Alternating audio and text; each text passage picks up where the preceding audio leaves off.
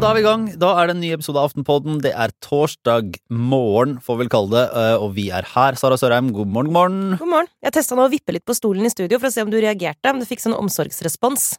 Eh, Men det gjorde du ikke. Nei, altså det her er mitt omsorgsfrie eh, hjørne. Ja. Det- har jeg nok av resten av livet, så nå må dere klare dere selv. Trine Eilertsen er for anledningen opptatt med et eller annet viktig ledergreier, men det får nå bare være. Du er i hvert fall her, Kjetil Alstheim, Det er jeg. og vi har litt av hvert. Det er en, en uke med mye krydder, får man si. Men du er jo tilbake. Har du så vidt kommet deg etter helgen som var, Sara? For å være helt ærlig har jeg ikke det. Nei. Nei, Jeg våkna i dag og følte meg ordentlig forkjøla. Eh, og det blir man etter en helg eh, på hotell eh, med 600 journalister på den årlige Scoop-konferansen. Hvis du ser for deg at du er en tilfeldig turist i Tønsberg, Mm. og så er det et, skulle, det er jo ikke ledig da, men du plutselig skulle fått et ledig rom der, og så komme inn på det hotellet Altså, Jeg har ikke veldig mye pent å si om Tønsberg. Eh, faktisk, unnskyld, Tønsberg. Men det er helt greit, altså. Men det er liksom ikke noe altså, Stakkars turister i utgangspunktet. Eh, men hvis de hadde kommet hit denne helgen, så er det sånn Vi trodde vi skulle til Tønsberg. Vi kom til Sodoma. Eller Gomorra. og hva skjer her?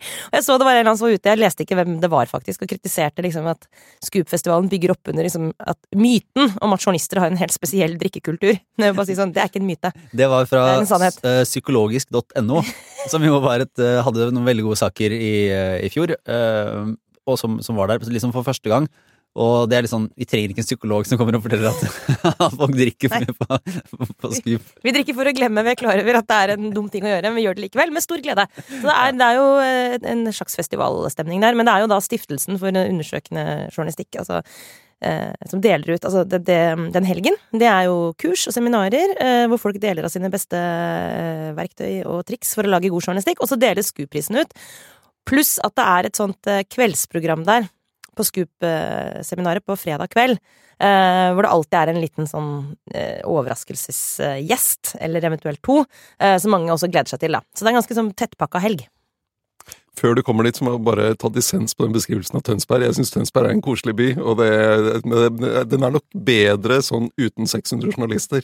Altså, Jeg har aldri vært i Tønsberg uten å være enten full eller bakfull, så jeg skal kanskje bare trekke tilbake. Så var, kanskje Tønsberg har mye å by på som jeg ikke har oppdaget ennå. Jeg har aldri Ikke beveget meg lenger. Men eh, fin by. Ja. Men uh, uansett, uh, vi kan jo starte med eh, Først, bare helt kort. Altså, Aftenposten vant Scoop-prisen Gratulerer. for andre år på rad.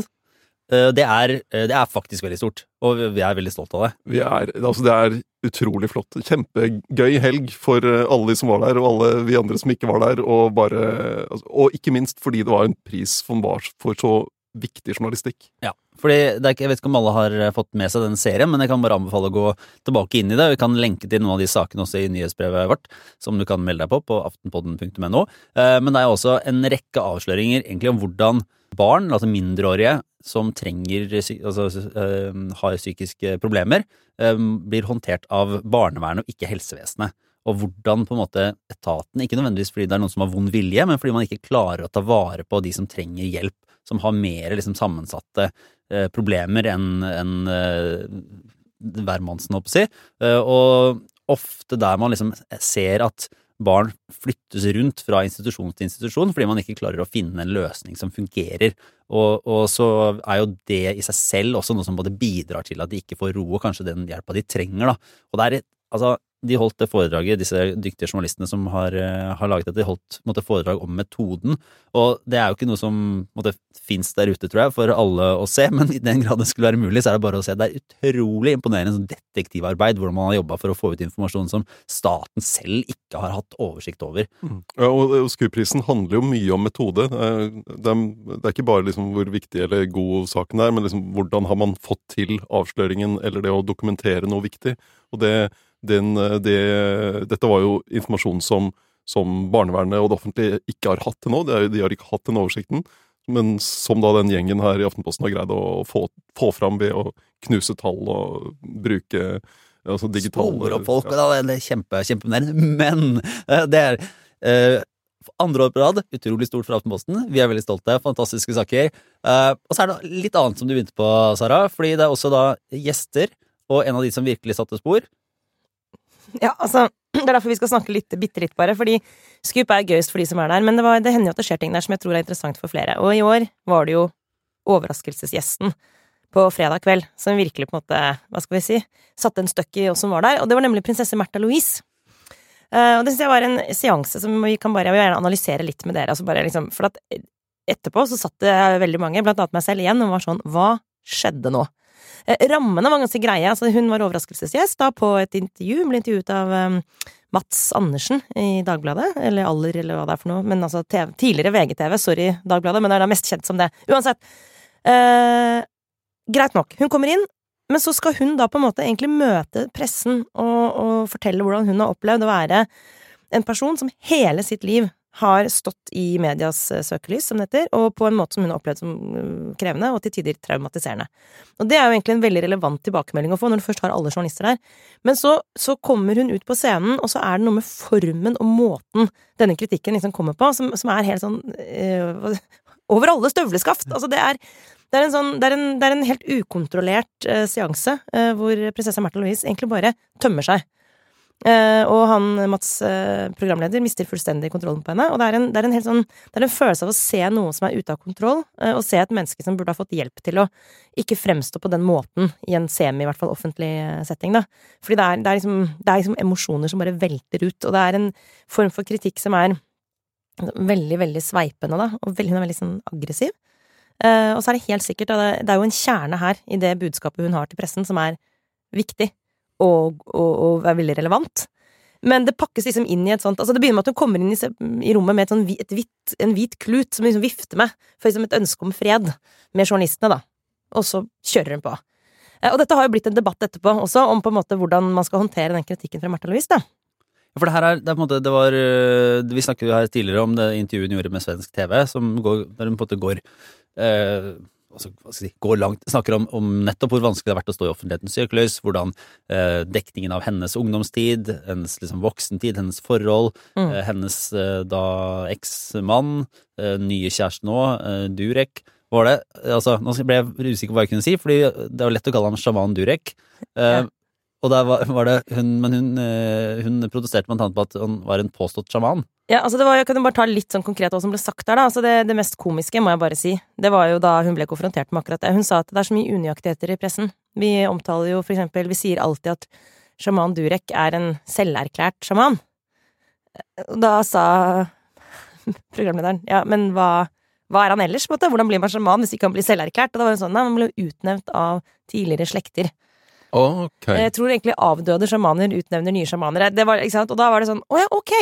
Så da beklager altså, Får du da et slags diplom på veggen fra tidligere slekter? Altså det, han gikk ikke videre inn på den, nei. Men, men det er noen sånne helt absurde ting. sant? Hvor det blir sånn, Hvilken verden lever du i?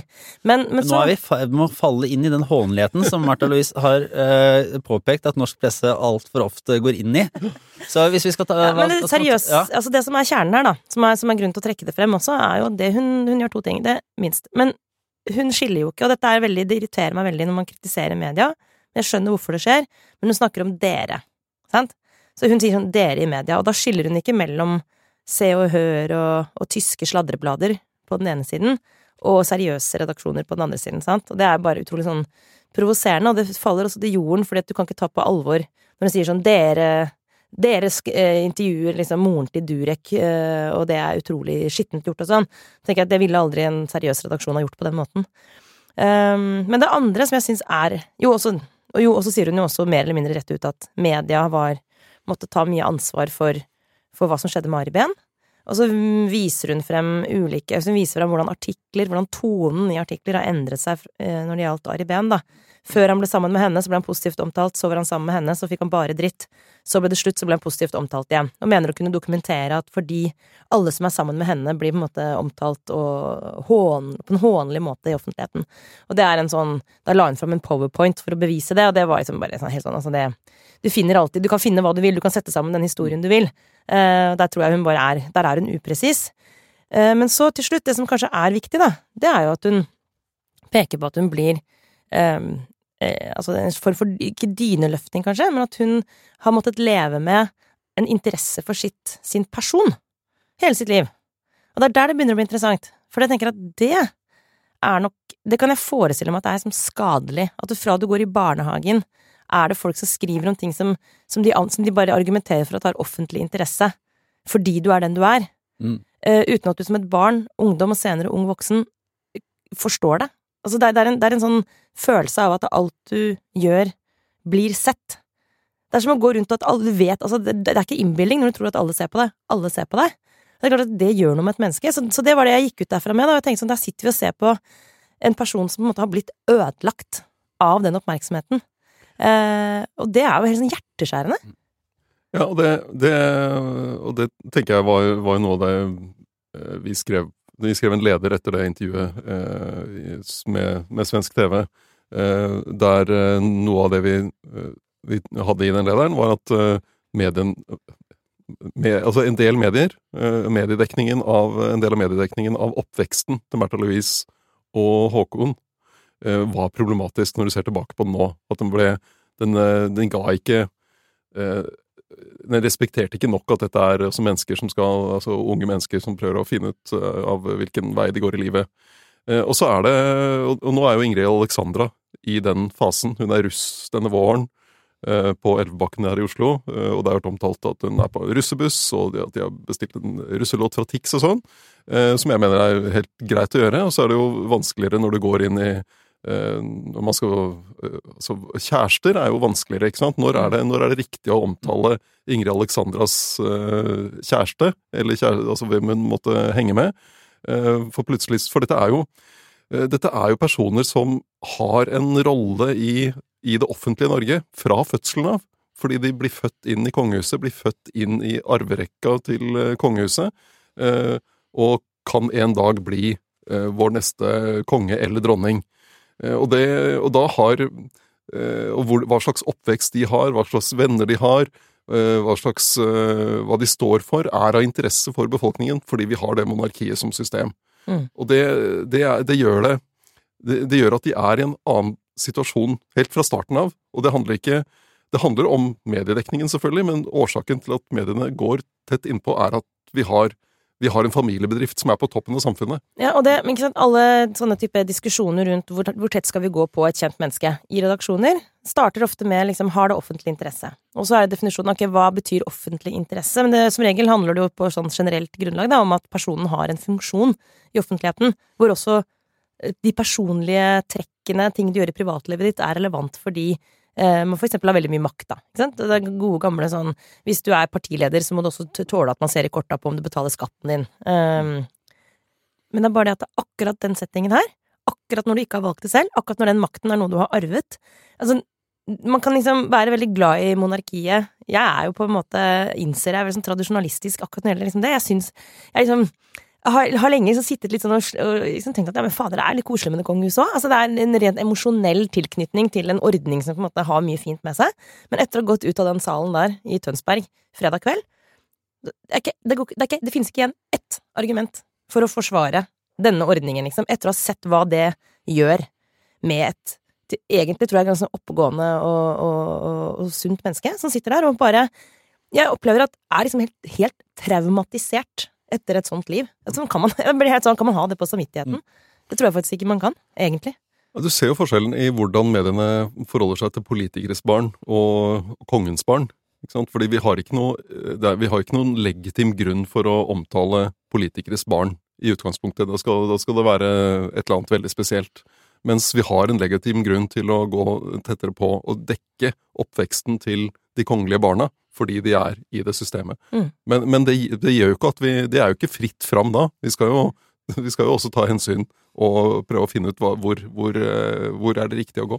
Og så bare for å runde av det, da. Det som også er Altså, jeg, jeg ble full av sympati eh, med Märtha Louise sin situasjon.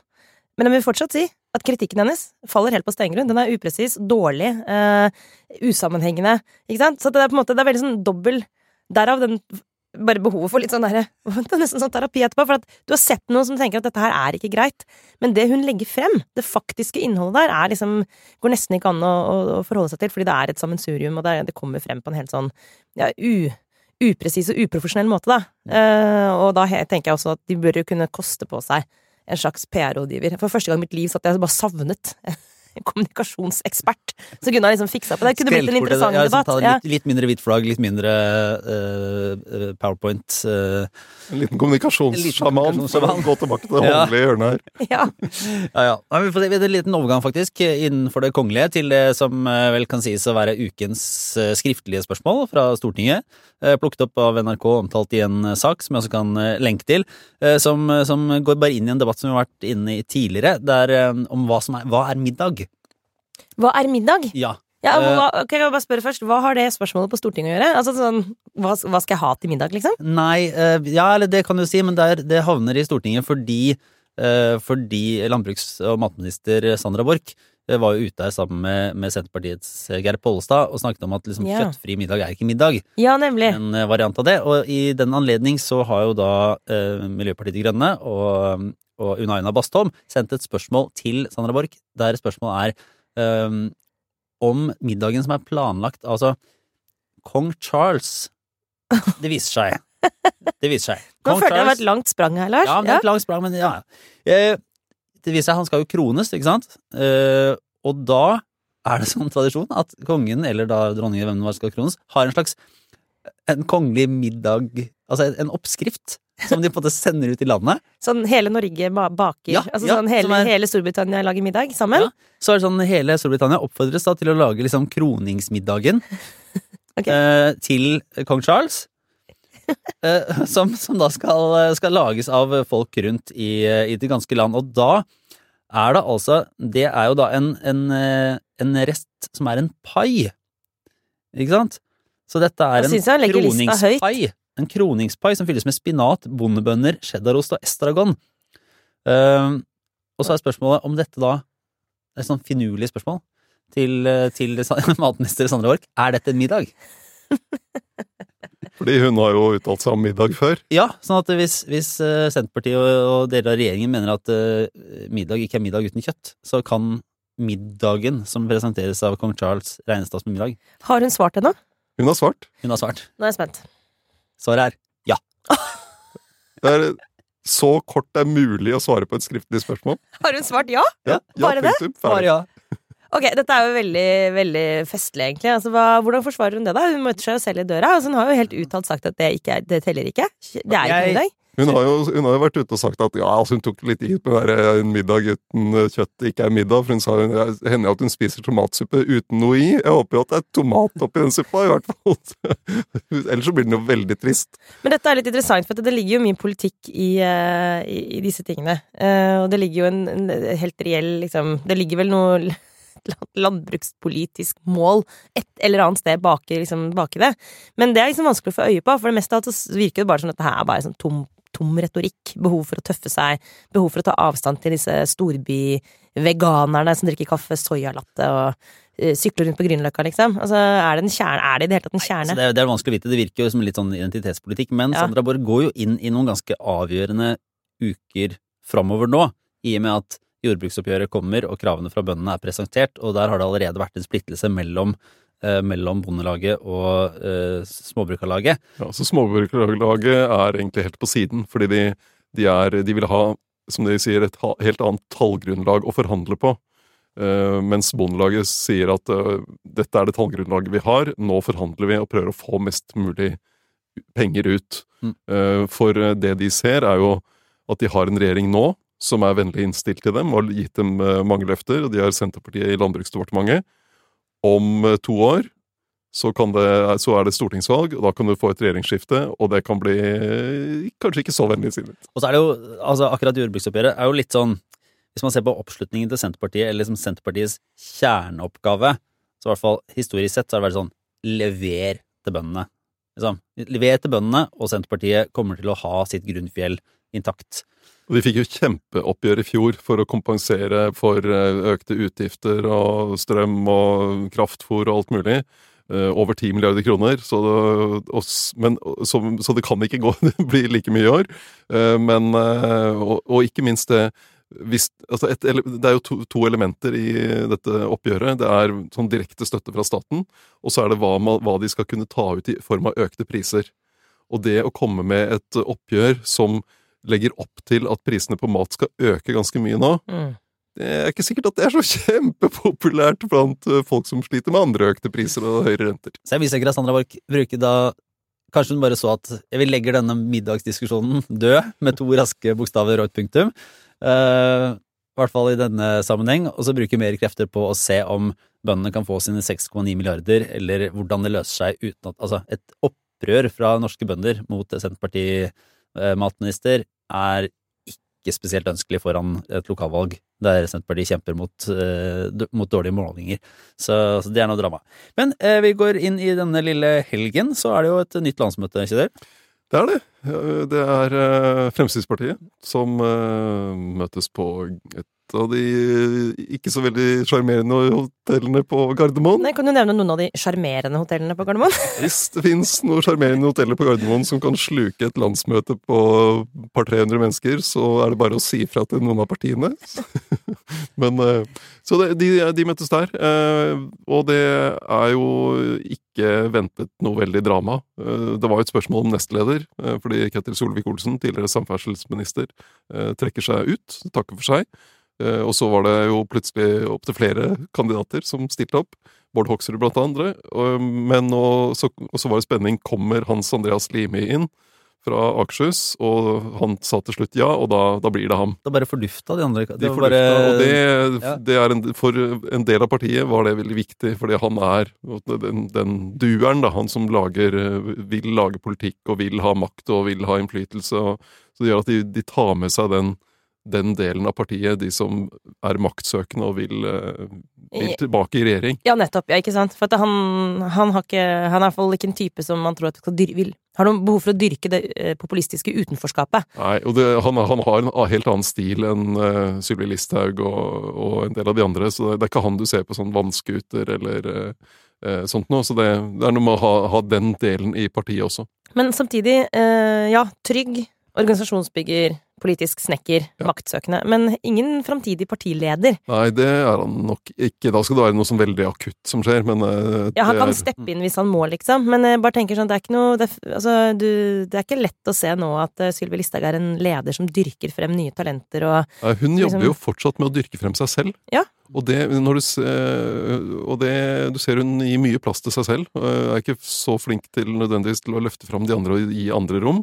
Eh, Og det går jo ikke så bra for dem. Eh, I hvert fall eh, Jeg syns det er rart at, de, at det ikke er mer uro i partiet når de, de Hvis du ser på gjennomsnittet av målingene, så har de bare gått, opp, gått fram sånn under ett prosentpoeng fra stortingsvalget 2021. Og det altså etter alle de månedene med misnøye med regjeringen og strømpriser og andre priser og drivstoff osv., og, så videre, og så får de ingen uttelling av det.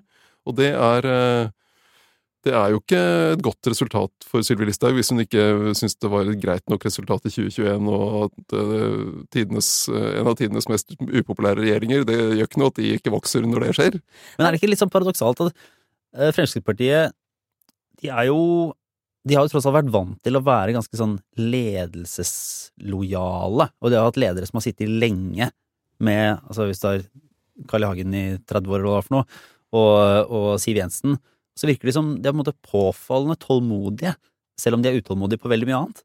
Altså for at det, Opplevelsen, i hvert fall, som har sett sånn delvis utenfra og snakket med Killer, er jo sånn Det er liksom Sylvi Listhaugs prosjekt, men, men om det på å si sånn umiddelbare uttellingen for dette det, det, er liksom, det ropes ikke for at det må være noe i valget, egentlig. Altså det, er, det er liksom Nei, det er, merkverdig tålmodig. de, de måler seg jo da mot et ikke så veldig godt eh, kommunevalg for, eh, for fire år siden. Så den store testen blir jo stortingsvalget om to år. Mm. Men der er det heller ikke så mange som er sånn supersugne på regjeringsmakt. Sånn at det er litt sånn der, De står liksom mellom, mellom ønsker, mellom å være liksom søkemakt, eh, søke videre opposisjon. Dermed så har det liksom Jeg vet ikke om det gir en litt sånn retningsløshet, ja. Eh, Det- er, de har, det er uavklart hva slags regjeringsstrategi de skal ha. Mm, mm. Om de, altså Vil de inn? Vil de påvirke politikken? Vil de ha makt igjen? Eh, fordi de har ramlet tilbake til den derre Vi vil ikke regjering bare for å kjøre svarte biler, som er sånn veldig lett å si. Men poenget er hvis, Vil du påvirke politikken? Vil du prøve å gjennomføre Er du villig til å inngå kompromisser, som du må, Mm. for å få til noe? Eller skal du bare si at du ikke skal kjøre svarte biler for moro skyld? Liksom? Det er utrolig interessant. Altså, det, er, det er jo fristende å trekke parallell mellom Vedum og Listhaug eh, som typer. Som politikertyper. Eh, altså det, der, det, er, det, er lett, det er lett å sitte på utsiden og, og være et alternativ. Eh, sånn som begge de har vært veldig gode på i opposisjon ja, tidligere. Altså, ja. Sylvi Listhaug var jo, da hun ikke satt med makten i arbeid, altså da hun ikke var partileder, men en veldig tydelig statsråd, og en veldig ram rampete, men på en måte smart i gåsehudet politiker, da, for hun evnet å si ting, evnet å spissformulere seg og traff. Traff med de formuleringene. Akkurat som Vedum eh, i opposisjon. Selv om han hadde lederskapet i Senterpartiet, så utrolig flink til å liksom bare komme akkurat gjennom et budskap som, som, som traff. Men, men liksom den glansen falmet jo, som vi har snakket masse om, utrolig fort når han fikk eh, makt. Sylvi Listhaug falmet i det øyeblikket hun ble partileder, egentlig, og bare har ikke ennå klart å finne Altså, det er vanskelig å være den Det er vanskelig å få til å ha den rollen når du har reell makt. Eh, og da må du enten bare vokse inn i den nye rollen og gjøre det på en eller annen måte, ellers så blir du famlende. Liksom, er, hvor lenge har hun vært partileder nå? Jeg synes på en måte alle går og venter litt fortsatt på at hun skal finne rollen sin.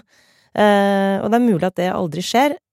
I så fall så er det interessant, som du var inne på, Lars, at det tydeligvis ikke pågår en diskusjon om hvem er det som kommer etter, hvordan skal vi liksom dyrke frem nye ledere. Husk, Siv Jensen var en tydelig nestleder i Fremskrittspartiet i mange, mange år. Vi husker alle Siv som gråt på TV og, og snakket ut om vanskelige ting. Altså, hun, selv om Carl Jagen satt lenge, så var det både henne og flere var jo der til stede i en årrekke og bygdes opp i partiet. Nå kommer jeg ikke på noen.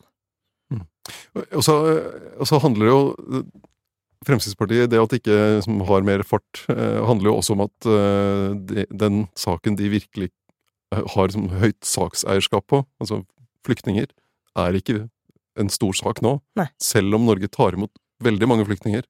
Men det er, det er jo fra Ukraina, og det er ikke omstridt. Men det, men det ligger jo Altså, hvis det skjer noe eh, i nyhetsbildet som er knyttet til integrering, noen skyteepisoder, sånne saker, eller du får en, en ny sånn massiv flyktningebølge eh, innover i Europa, opp, og opp mot Norge. Eh, Se på Sudan, da. Mm. Eh, det som skjer der, kommer jo til å utløse en flyktningstrøm. Om, den, om de greier å komme seg over til Europa, det gjenstår jo å se. Men det kan jo liksom, da, da kommer FrPs sak opp i, på dagsordenen, og det kan jo hjelpe dem å dra dem opp. da. Ja, ja, vi får se, vi får, eh, vi får eh, se hva som kommer ut av landsmøtet. Er det noen store politiske saker som eh, ligger i oppå der? Jeg må si Det er ikke noen som har brutt gjennom lydmuren for min del, men jeg har vært nedsausa i mye rart ja. denne uka her. Det er en Nei, det- mur av snørr som ligger Ja. der.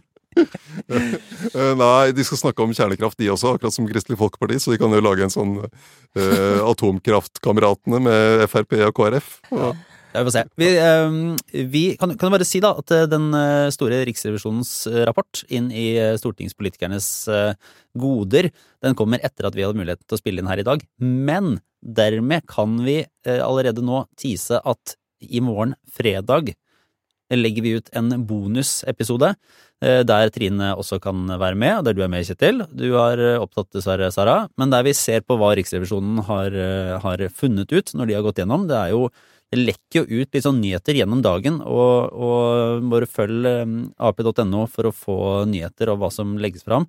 Eh, Men det er jo varsla en ganske sånn Det er noe sprengstoff i den kritikken som kommer fra Riksrevisjonen her. For dette er jo selve fasiten, det er jo alltid det når Riksrevisjonen legger frem, men bare sånn til dere som ikke skjønner helt hva vi snakker om nå, fordi dette er ikke sikkert alle har tenkt på pendlersakene og andre type gravesaker i årevis, men, men, men, men jeg er sikker på at de fleste av dere husker, tenker tilbake på alle disse sakene som har vært de siste årene med politikere som har eh, blitt avslørt i å både misbruke Det handler vel om hele, hele systemet, sant? Om i hvor stor grad er det faktisk sånn at eh, folkevalgte politikere på Stortinget har utnyttet systemet til egen fordel.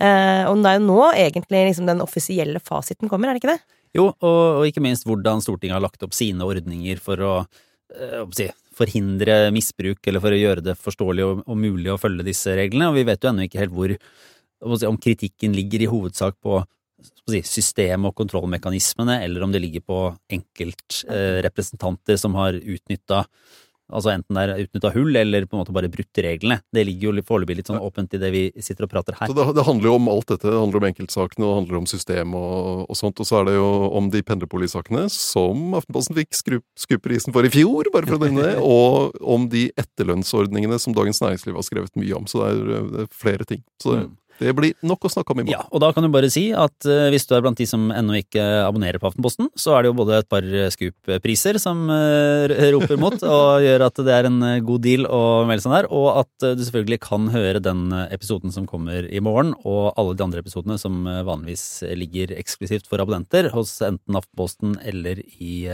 i Podme, da, som du også kan, eh, der du også finner en del andre podkaster det kan være lurt å, å, høre på.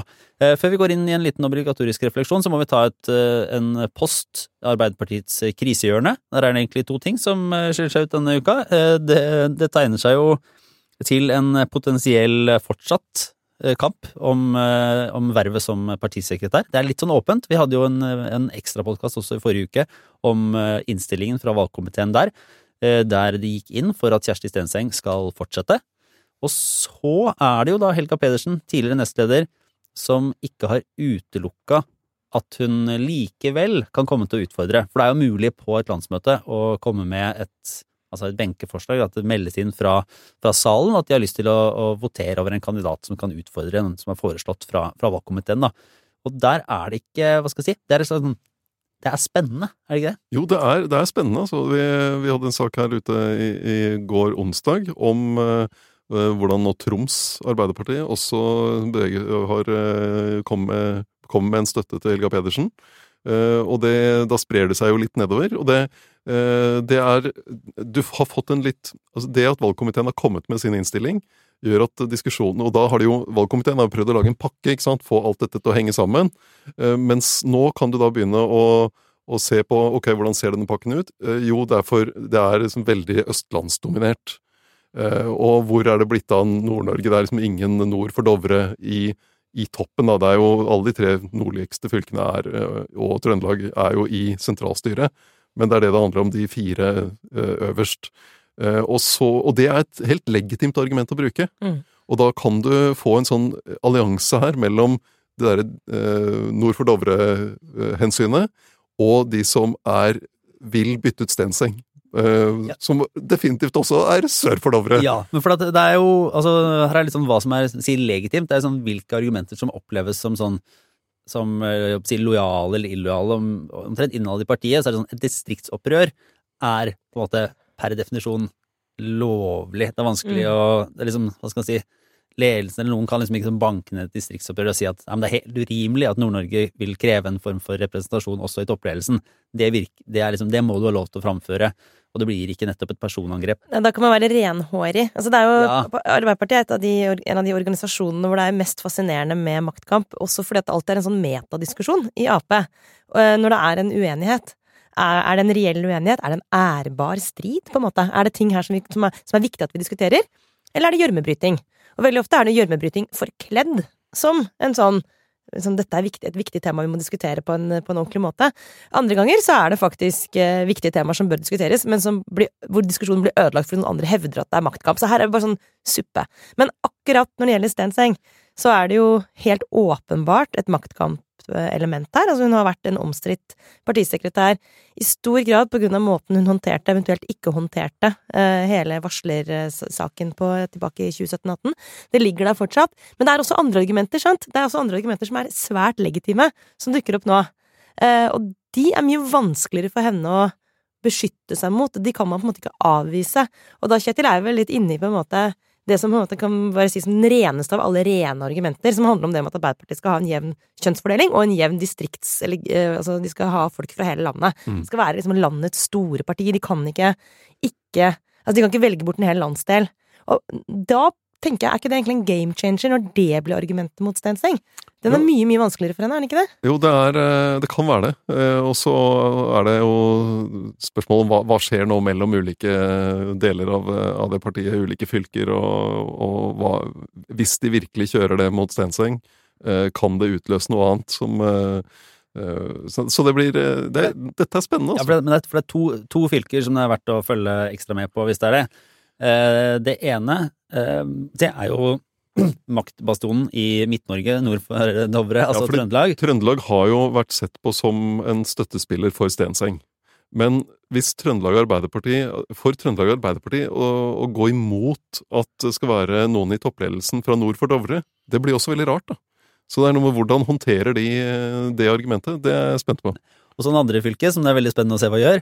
For det er, hvis dette bildet av dette som et distriktsopprør skal leve, så må jo Oslo Arbeiderparti, som er, har forsøkt å vrake Stenseng, Ja. sitte veldig, veldig stille i båten. For de er jo her på lag med eh, Nord-Norge. Men Man kan ikke trekke å sitte stille i båten. Det er det rauseste av alle. Jeg kan si sånn herre, vet du hva? Vi, vi er altså mye Vi er opptatt av distriktspolitikk. Det tror kanskje ikke det vi sitter her i Oslo sentrum og sånn. Men det er klart at hvis vi liksom Frode Jacobsen, lederen av Oslo Arbeiderparti, som går ut og sier sånn herre Det er utrolig viktig for oss med representasjon fra Nord-Norge. Eh, Ja, men da, da, da, da går det der si, flagget i været. Da er det, det da er det gjørmebryting. da er det gjørmebryting, ja. For, for du mener at man kommer ikke unna med det? Det er ikke troverdig. Jeg kan ikke liksom pakke det inn i det. Da blir det litt sånn derre Å ja men, ja, men dere har jo vært kritiske til sensing hele tida og har lyst til å bytte henne ut. Skal dere liksom koble dere på denne distrikts, rettferdige distriktskampen? Ok. Altså, jeg, jeg skal ikke si det er umulig, men det er et sånn jeg tror det er kan en, ikke gå så eh, veldig langt foran i det toget. Nei. Men utrolig, utrolig fascinerende hvordan folk nå jobber opp mot det landsmøtet med, med nettopp sånne typer strategier. da. Eh, Og også syns jeg er interessant å se hvordan Helga Pedersen håndterer situasjonen. Fordi hun vil jo ikke stille til et eh, ta en sånn kampvotering og tape. Eh, Det er jo et, det ultimate nederlaget. Eh, Men, men hun svarer på en måte som gjør det helt tydelig at hun kommer til å ta den fighten hvis hun tror hun kan vinne. Det er sånn man må tolke henne, ikke sant? Ja, men det er litt rart, for hun meldte seg jo Vi trenger ikke å gå gjennom hele den her, men hun meldte seg jo som faktisk kandidat altså så kort tid før valgkomiteen la fram sin eh, faktiske innstilling at altså i hvert fall jeg som måtte jobba litt med å prøve å kartlegge dette her, skjønner fortsatt ikke helt den tankegangen. Ikke sant? For at hun, hun meldte seg jo på en måte offentlig ut som en kandidat så kort opp til at hun, at hun trodde at hun skulle vinne. Det var det. Ja, Altså, men det var jo også TV 2 som har vært veldig gode på valgkomiteen og har gode, gode kilder inn der. Jeg tror det var de som skrev at det var jo en avstemming. Det var én stemmes overvekt. Sånn at det kan godt hende at altså det var, det, det, Tilsynelatende har det stått og vippet helt, så det kan godt være at Helga Pedersen helt reelt trodde at hun kunne vinne og, få- og, og bli innstilt. Det er den eneste måten jeg kan tolke det på. Hun er en maktpolitiker, hun også. Eh, Jeg tror ikke hun ville tatt den sjansen hvis hun ikke hadde ganske grei eh, selvtillit på det. Og så er det jo bare, hvis Helga Pedersen går inn i, eh, i ledelsen, så vil hun, og det her var en fascinerende rittesak fra, fra VG, en litt sånn eh, liten perle, bli den eneste av 21 medlemmer i eh, Arbeiderpartiets mektige sentralstyre som i hvert fall nå tjener under en million. Ja, Interessant. Eh, for det var jo, det har vært noen saker om at, uh, at Arbeiderparti-ledelsen foreslås eh, på en måte inn med, med mangemillionær Jonas Gahr Støre og mangemillionær Jan Christian Vestre. Og så gjorde VG en liten opptelling av eh, sentralstyret, og der eh, alle der også tjener mer enn en million kroner i året. Ja, og det er, altså det er jo for så vidt en Du kan gjerne lage den opptellingen. Eh, men se på Masud Gharahkhani, da, som er stortingspresident og er den foreslått innstilt inn i, eh, i sentralstyret. Som stortingspresident så har du en god lønn, en høy lønn. Men han er jo da en som har jobbet seg opp fra fagforeningsgulvet i Drammen, inn i politikken, blitt folkevalgt, kommet inn på Stortinget, blitt stortingspresident. Og da får han høy lønn. Men er han da ikke representant for det han er valgt fra? Mm. Er, det, er, det, er den lønna et argument mot ham, når han har klart å eh, han har, jo blitt, han har jo fått tillit fra velgerne. Ja, men det blir Tillit fra sine, sine kolleger som fagforeningstillitsvalgt, og så tillit fra velgerne i Buskerud Mm. inn på Stortinget, og så tillit fra Stortinget til å bli stortingspresident av sitt eget parti, da. Og det, så det er liksom skal de, eh, Grunnen til at så mange har høy lønn i det sentralstyret, er jo at de sitter Det er, det er jo åtte regjeringsmedlemmer eh, og stortingspresidenten.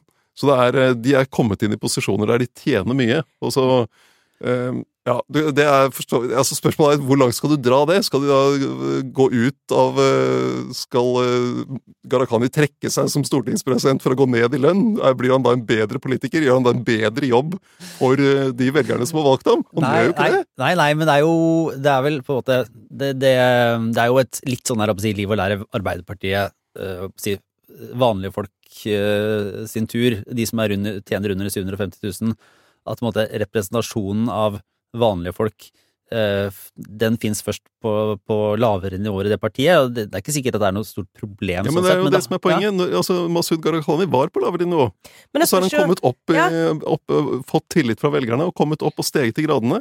Så er, de, nå er han på et høyere nivå. Men det spørs jo hva du skal bruke sentralstyret til. Altså, det er jeg helt enig med deg, Kjetil. På personnivå så er det vanskelig å tenke at uh, en, en, politiker blir dårligere politiker uh, jo høyere lønn vedkommende får. Men på sånn systemnivå, hvis du ser på totalen, så blir det litt vanskeligere å forsvare. fordi at spørsmålet er skal det bare, hvor, altså, hvor topptungt uh, skal sentralstyret i Arbeiderpartiet være?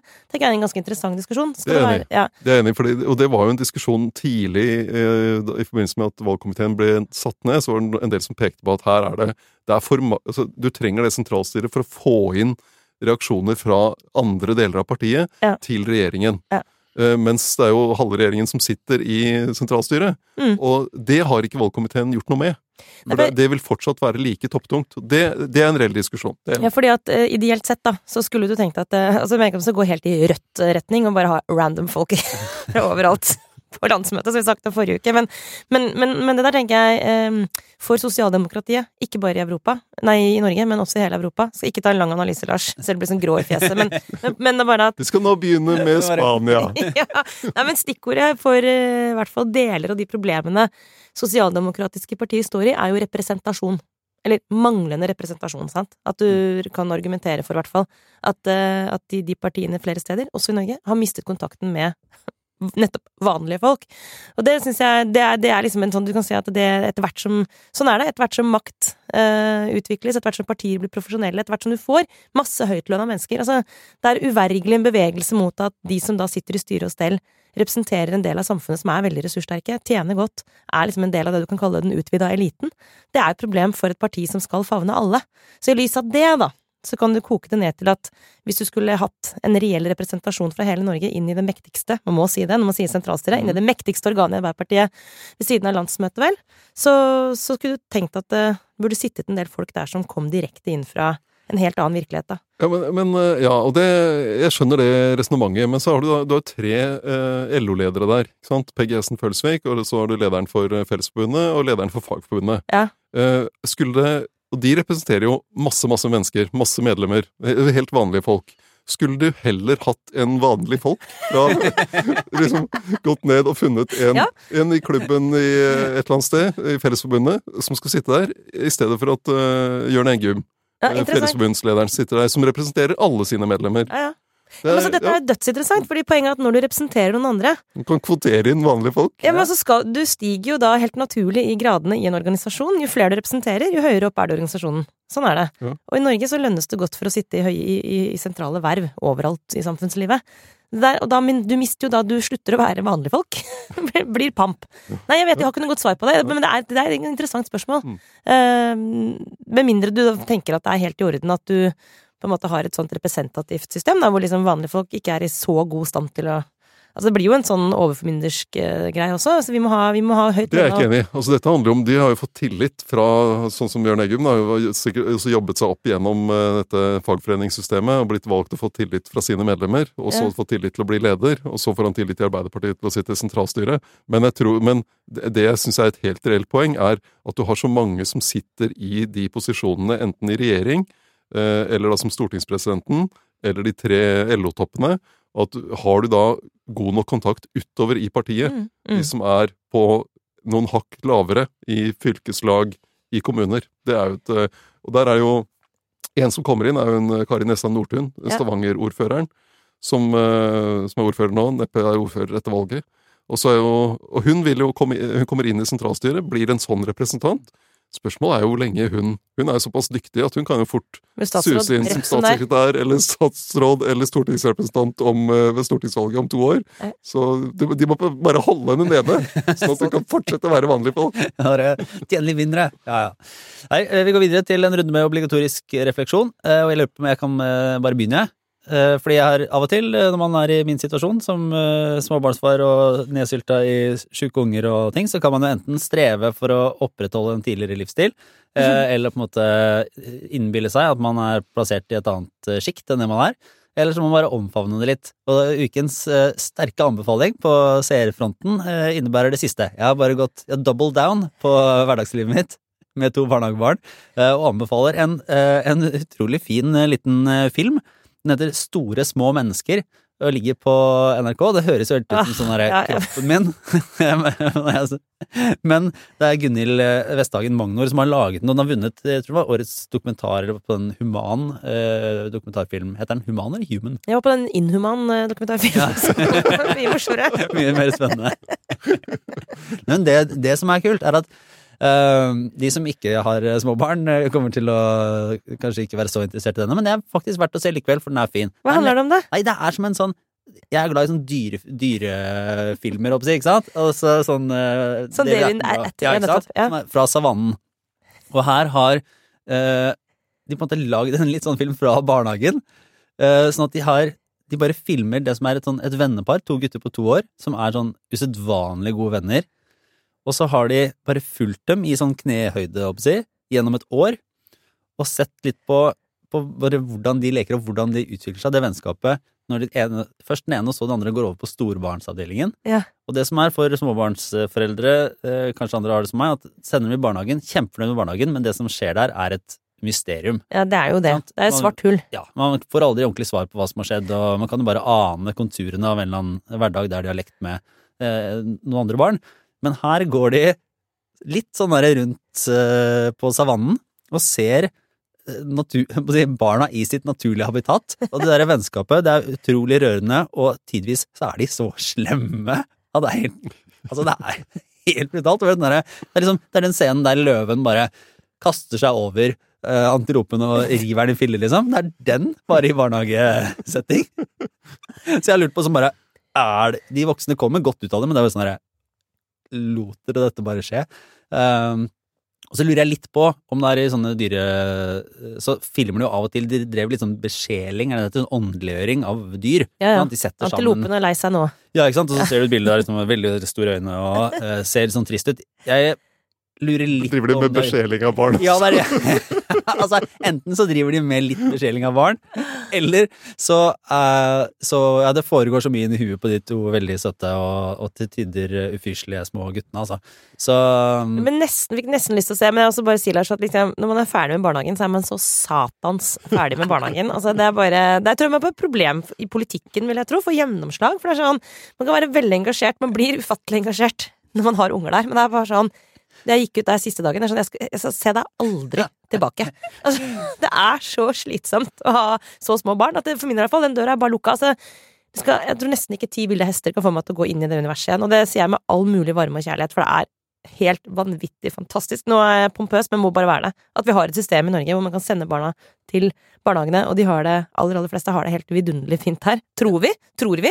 ja, ja, ja, jeg vil si, og de som veldig- jobber der, er fantastiske Jeg mennesker. takker dere, men jeg har bare ikke Jeg orker ikke tanken på den der, du vet, den der lukta i en barnehagegarderobe. Jeg kan fortsatt få meg til å liksom bare åh, ja. Det er noen der. Jeg, må, jeg er i fortrengningsfasen. Jeg vet da, jeg, jeg sier se den. den er, eh, jeg skal lenke til den i eh, nyhetsbrevet. eh, som også store, små mennesker. Ligger på NRK nettavspilleren. Det er sånn akkurat en time eller noe sånt. Ikke noe sånn kommentator. Det er ikke noe David Attenborough, da. Det er bare liksom scener av hvordan disse navigerer seg gjennom eh, årets eh, fire årstider. Så absolutt en anbefaling. Eh, Åssen er det med deg, Kjetil? Eh, bare et, vi, vi var jo innom eh, eh, jordbruksoppgjøret, eh, og der har de jo Jeg må bare litt tilbake til det. Ja. eh, fordi Kan hende noen syntes det var litt lite om jordbruksoppgjøret. Ja, ja fordi det, var- det er nok, var nok noen som syntes det var litt lite. Fordi eh, altså, Småbrukarlaget brøt jo da med Bondelaget her på mandag, eh, sånn at de ikke fikk et sånt felleskrav. Og, og hvis man skal ta bare helt sånn uh, Småbrukarlaget, små, Det er små eh, små. Ja, små brukere. Eh, Og Bondelaget er, eh, det store store. Men alle er bønder, Alle, sant? alle, alle Det er er bare storbønder og småbønder. Ja. Ja. Og så er det som har skjedd, er jo at Småbrukarlaget er nær, tatt over nærmest av de som har lagde bondeopprøret. Hvis noen husker det. Det var eh, de som leser Nasjonen, husker det. men, men det var et sånn veldig opprør for eh, blant annet med tallgrunnlaget, som jeg er inne på. Og en av de bondeopprørerne var Tor Jakob Solberg, og han er blitt leder i, i Småbrukarlaget. Og så har Han burde jo bli leder i storbrukerlaget hvis han skal få gjennomslag. Feil, har valgt feil lag. Kom igjen. uh, og så har Nasjonen vært og intervjuet ham på kontoret. Eh, og det er et veldig sånn tårevått intervju. Det beskriver hvordan han tar til tårene stadig vekk, eh, Solberg, av situasjonen. Og så har han en Altså, Unnskyld, ja, nå avbryter jeg hele tiden, men situasjonen hvor de fikk ti milliarder kroner Ja, det var i fjor, da. Stakkars eh, Crimea River. det, at de, det at de har liksom brutt, og det, dramatikken i det. Ja, ok, greit. Ja. Og så har, har de da et sitat fra Solberg, der han sier prøver å forklare situasjonen og følelsene sine, og så sier han du vet den amerikanske borgerrettighetsforkjemperen Rosa Parks som nektet å reise seg på bussen for å gi plassen sin til en hvit passasjer? Noen ganger i historien oppstår situasjoner hvor noen må stå opp for seg selv og nekte å reise seg. Det skjedde i år. Uh, ja, bare Det eneste jeg kommer på nå, er Trond Giske som legger ut bilde av Nelson Mandela på Facebook-siden sin. Vi er der oppe, liksom. I paralleller. Jeg tenker at hvis du er Hvis du er en hvit mann i Norge som kjemper for litt mer lønn, så skal du ikke sammenligne deg med en borgerrettighetsforkjemper som kjemper mot segregering. Oh my I god, USA. nei. Det, det tror jeg stort sett er greit å unngå. Jeg. Jeg tror det er et generelt Ja. råd til alle. Ja, og ikke bare hvite menn, men også kvinner. Sånn, ikke ta den parallellen, på en måte. Ikke gjør det. Nei. Det tar seg ikke ut. Check your privileges, er ikke det det heter? jo. Gjorde han det? Han gjorde det. Det er fort gjort, men kanskje ikke så fort gjort. Ja, ja. Eh, Åssen er det med deg, Sara? Wow. Nei, du eh, Nei, wow. Nå ble jeg faktisk imponert. Det er et eller annet med bare hva man tenker om seg sjøl. Altså, det er viktig å holde kjeft noen ganger om hva man tenker om seg selv. Hvis man har, er litt, har litt store tanker. Men nei, du, jeg hadde egentlig tenkt å reflektere litt på ekte, holdt jeg på å si. Altså, mm. ingen no offence, men bare en liten refleksjon herfra. Nå Nei. gleder vi oss. Ja, nei, men det handler om eh, hersketeknikker. For det, det, er, er flere ting, men jeg, lurer på Altså, hersketeknikker er jo et begrep som jeg vokste opp med. For jeg er jo en sånn SV-unge, sant, vokste opp med, med mødre som var opptatt av det, og lærte meg liksom det. Ble opplært i, nesten, som jente og etter hvert ung kvinne, og gjenkjenne hersketeknikker og liksom skjønne når de blir brukt. Men så nå er jeg litt usikker på, for det første, om det er noe som fortsatt snakkes om. Altså, er det liksom en ting fortsatt? Eh, ja, det, ja, det tror jeg. Er det noe unge kvinner og jenter blir lært opp i å håndtere? Jeg er bare usikker.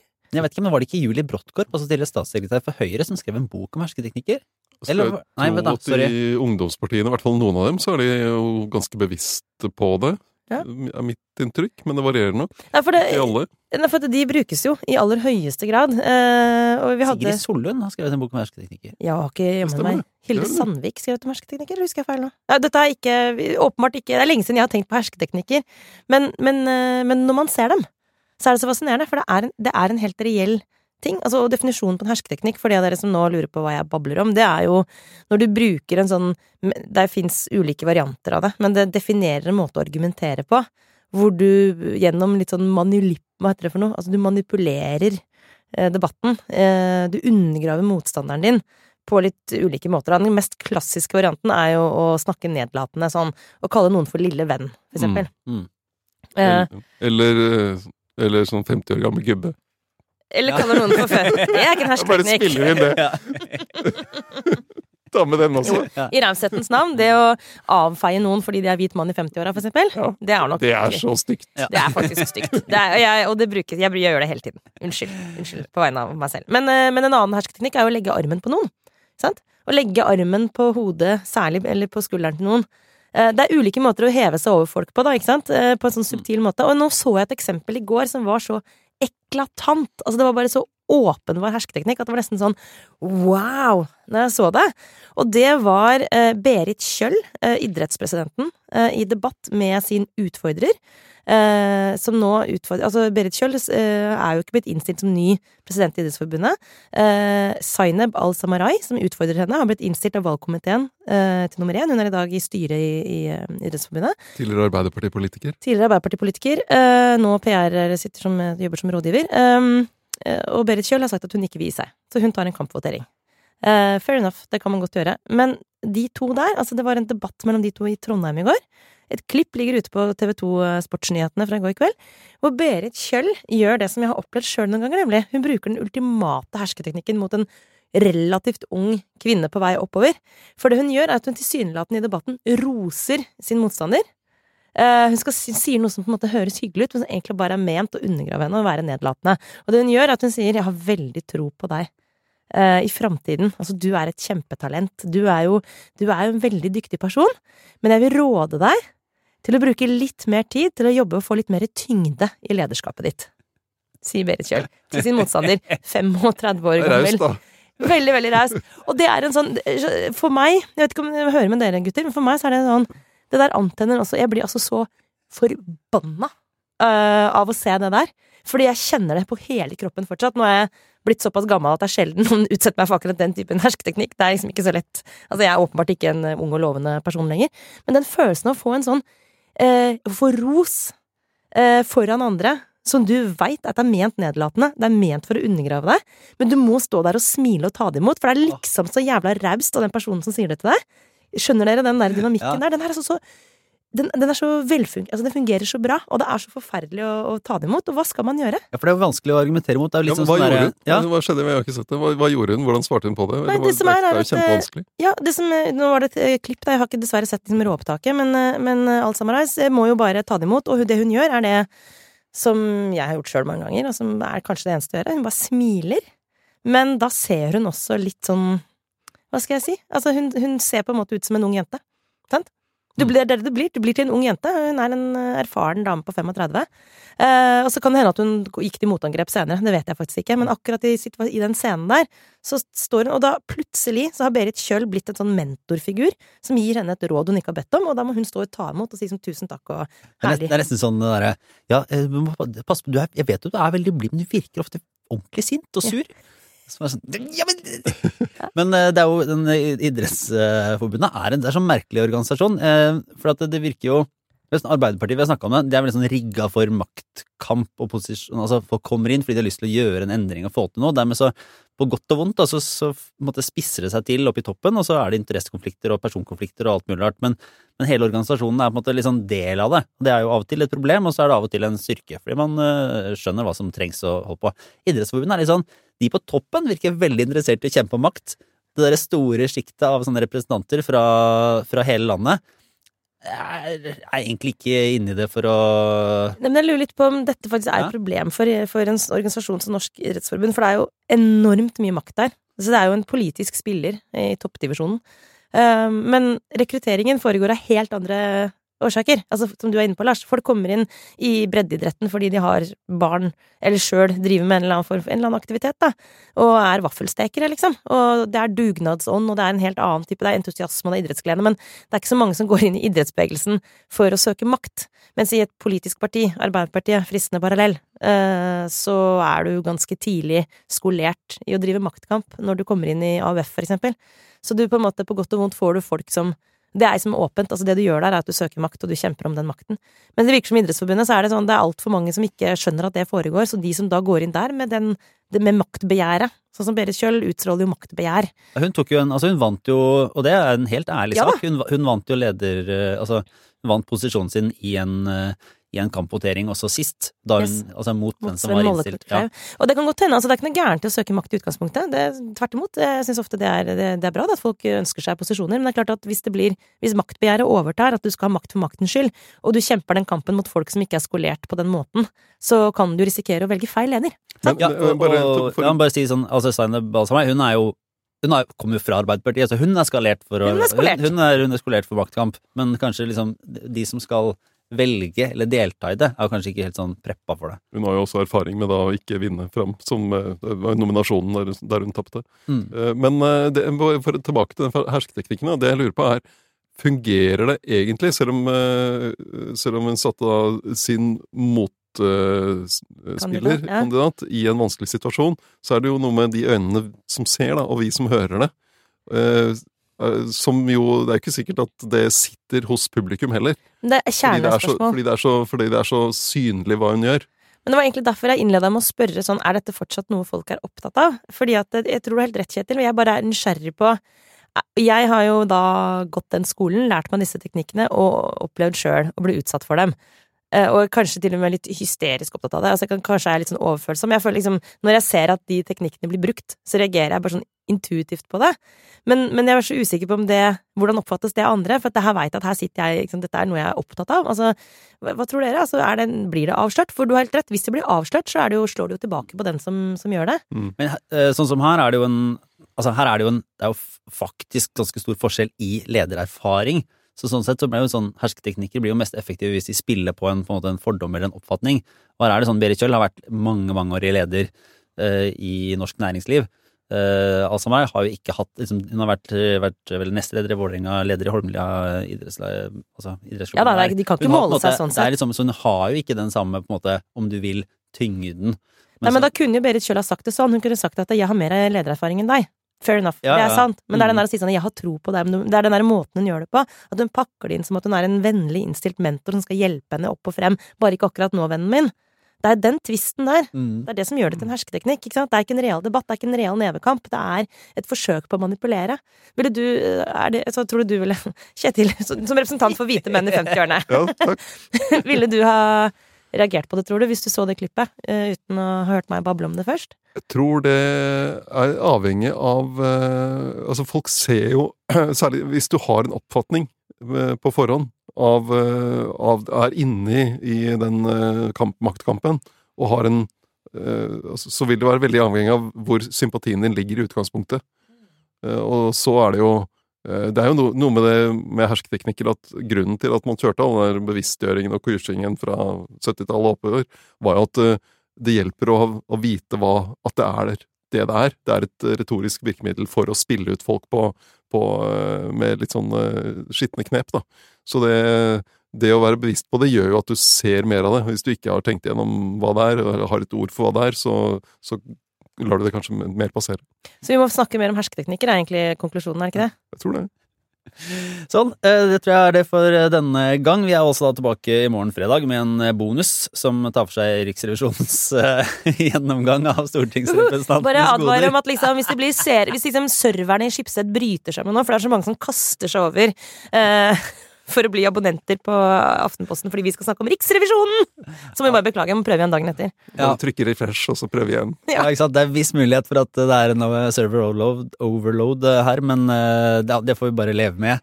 Vi må, men altså, ironi og tøys og tull til side, dette er jo ekte krutt. Det er ekte krutt i, i denne rapporten. Så det er faktisk, jeg skal si det, Ja, det er verdt å, det er verdt å få med seg. Hadde omstendighetene vært annerledes, så skulle vi gjerne spilt inn eh, i etterkant direkte, men eh, nå, sånn som det er nå, så får man bare litt mer Aftenposten denne uka, eh, og det kan vi jo glede oss over. Og da er jo også Trine med og har muligheten til å være med og diskutere det.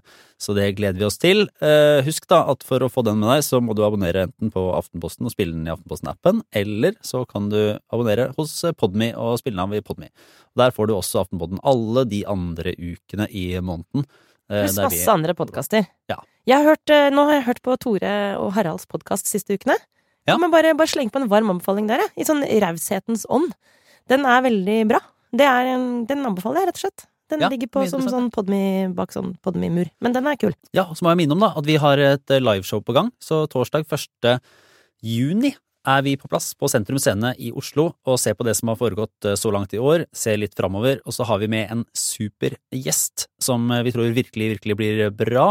Så da håper vi flest mulig kommer og blir med oss på det som vi tror blir en skikkelig morsom kveld. Billetter finner du på Ticketmaster, eh, med selvfølgelig abonnementsrabatt hvis du abonnerer på Aftenposten.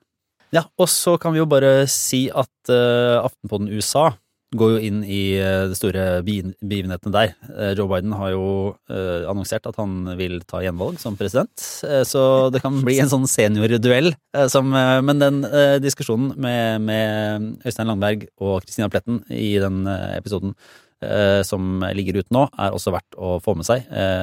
Så den kan også med stor fordel høres. Det var det for denne gang. Ha det bra.